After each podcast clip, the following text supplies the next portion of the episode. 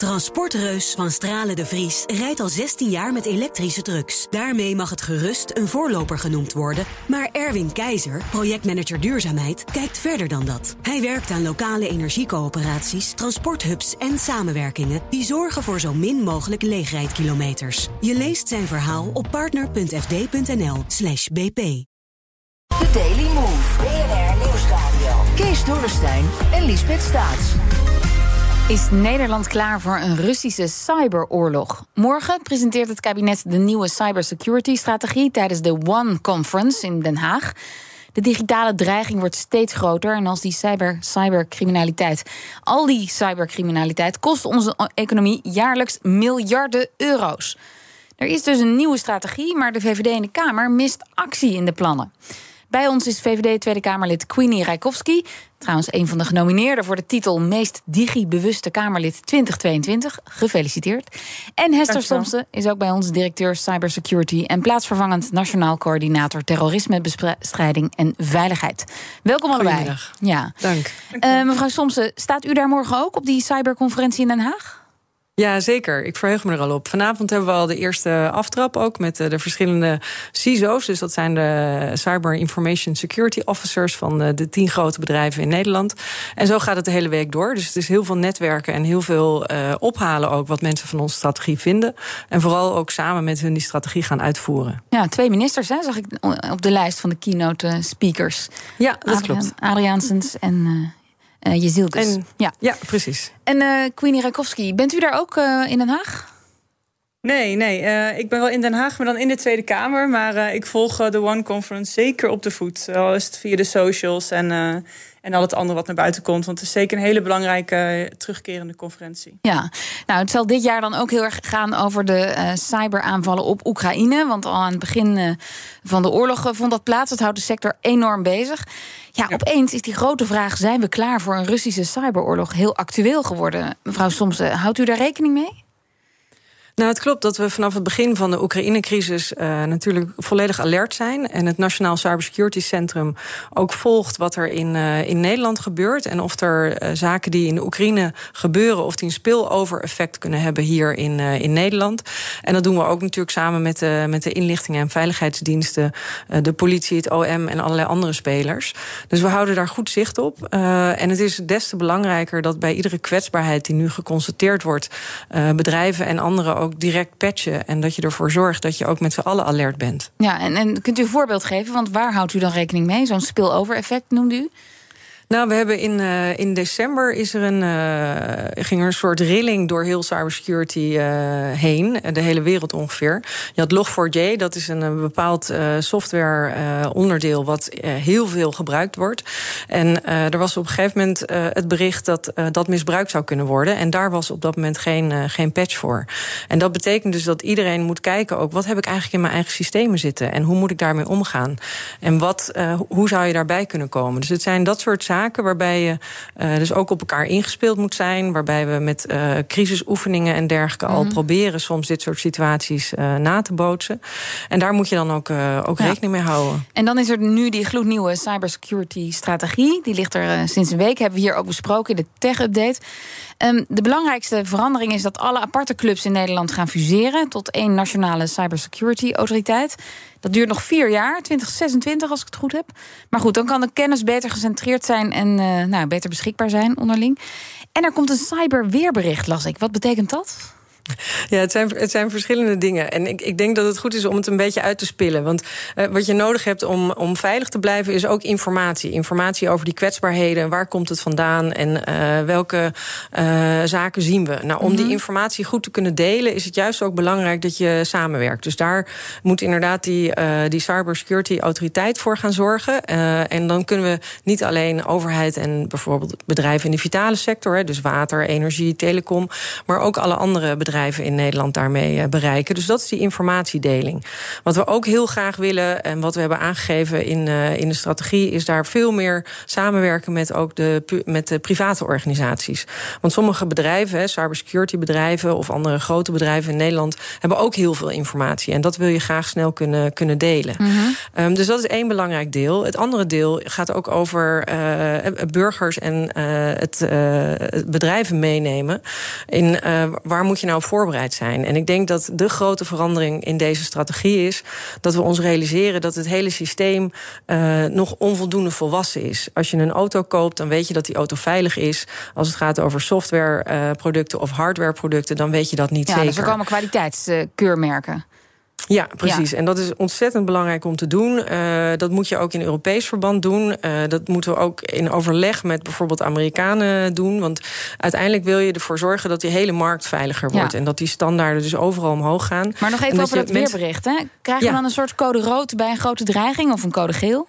Nou, dat weerbericht is, is ook vooral om, om aan te geven van, uh, dat, mensen een beetje kunnen volgen van waar zitten nou de risico's uh, en, en wat popt erop.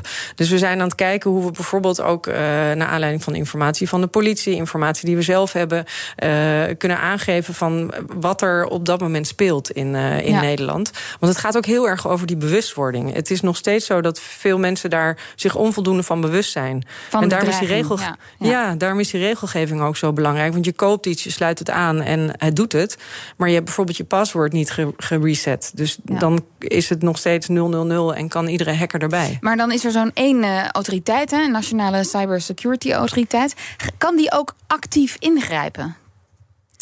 Uh, nou, in ieder geval dus door het doorgeven van die informatie, zodat bedrijven weten dat ze kwetsbaar zijn en ook uh, kunnen kijken van nou, om welke servers gaat het die we bijvoorbeeld mm. tijdelijk moeten isoleren of om welke e-mailadressen is de besmetting binnengekomen.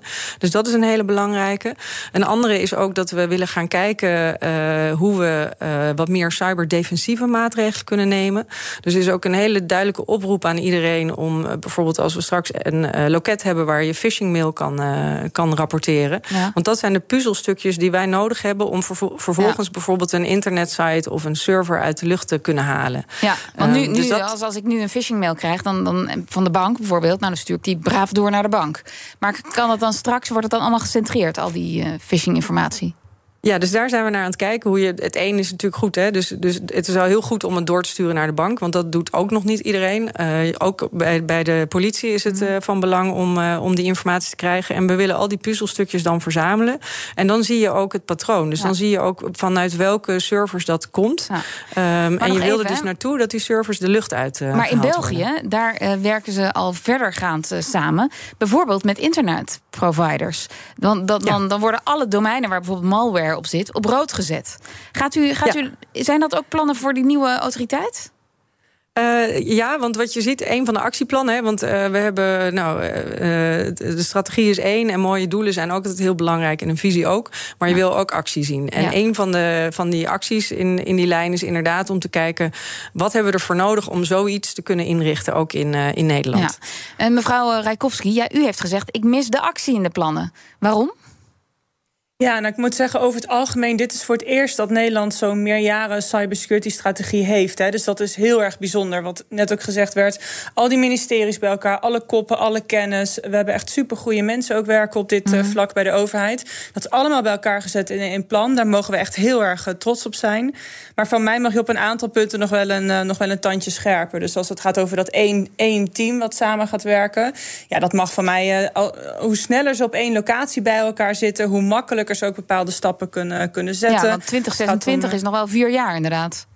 Ja, het is nog wel vier jaar. Het is niet dat er niks gebeurt in die tussentijd. Hè, want we hebben ook wel een soort planning gezien. Ze gaan stapsgewijs. Alleen het probleem is dat uh, uh, cybercriminelen of uh, bepaalde landen die ons niet heel welgezind zijn, die wachten ook niet. Ja. Dus daar zit voor mij mijn grootste heikelpunt. Ja. Um, en, en, vindt u niet dat, dat de overheid hè, op dit punt niet veel meer regie zou kunnen pakken? Want nu moeten bedrijven, maar ook burgers bijvoorbeeld, het voornamelijk ook zelf uitzoeken. Zorg dat je, dat je, dat je domeinen beveiligd zijn, dat je eigen laptop versleuteld is. Um, pas op met het doorsturen van gevoelige informatie of in de cloud. Zou dat niet veel meer via de overheid kunnen? Uh, ja, hoewel je denk ik ook niet wil dat, dat er elke dag een ambtenaar bij jou thuis komt om even al je wachtwoorden door te nemen. Dus ik denk dat daar een soort Uh, balans nee. tussen zit. Maar ik denk dat Dus- er nog een stap tussen zit. Zeker. Kijk, eh, wat, wat ik nu belangrijk vind, want nu mensen kunnen overal apparaten en dingen kopen. Hè, online of in winkels. Eh, we weten een van een camera die misschien bij de Aldi ligt, die helemaal niet veilig blijkt te zijn. Ja, daarvan eh, zeg ik, we kunnen niet van iedereen verwachten Nee. dat die begrijpt hoe dit allemaal werkt. Dus net zoals jij, als je naar de supermarkt gaat, dan kan je kiezen uit vijf soorten appels. Maar je weet dat alle appels zijn veilig en die kan je gewoon kopen en kan je eten. Je hebt gezondere en minder gezondere keuzes. Maar alles heeft een soort basislijn eh, veiligheid. En die basislijn, eh, die is er nog niet. En die moeten we met elkaar gaan creëren.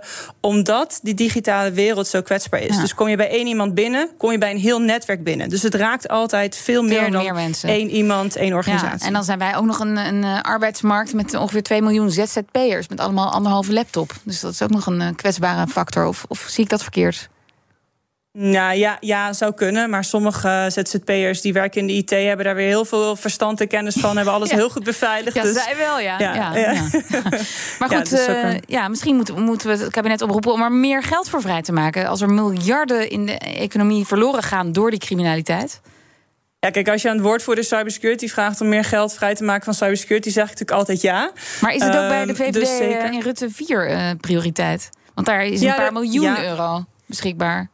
Eh, nou, eh, het gaat om een paar honderd miljoen euro zelfs, wat er extra voor cybersecurity is eh, vrijgemaakt. En het gaat van de inlichtingendiensten tot, tot deze plannen, tot het helpen van het bedrijfsleven. Dus dat is echt een breed pakket aan maatregelen. En elk jaar komt er weer flink wat geld bij. Dus ik denk dat we nu veel meer moeten gaan nadenken over hoe kunnen wij slim kennis delen. Hè? Als, Ja. als de overheid al kan zien dat een MKB'er kwetsbaar is voor een cyberaanval, dat Dan- die een telefoontje kan krijgen van joh, doe even je updates, want er zou zomaar een aanval op jou gericht kunnen zijn. En dat is geld dat onze economie uitlekt. Dat is Nou, echt belangrijk. Ik moet het hierbij laten. Ik wens eh, Hester Somsen, directeur cybersecurity en plaatsvervangend nationaal coördinator terrorismebestrijding en veiligheid, een mooi congres de komende dagen. En VVD-Kamerlid Queenie Rijkowski, dank jullie wel.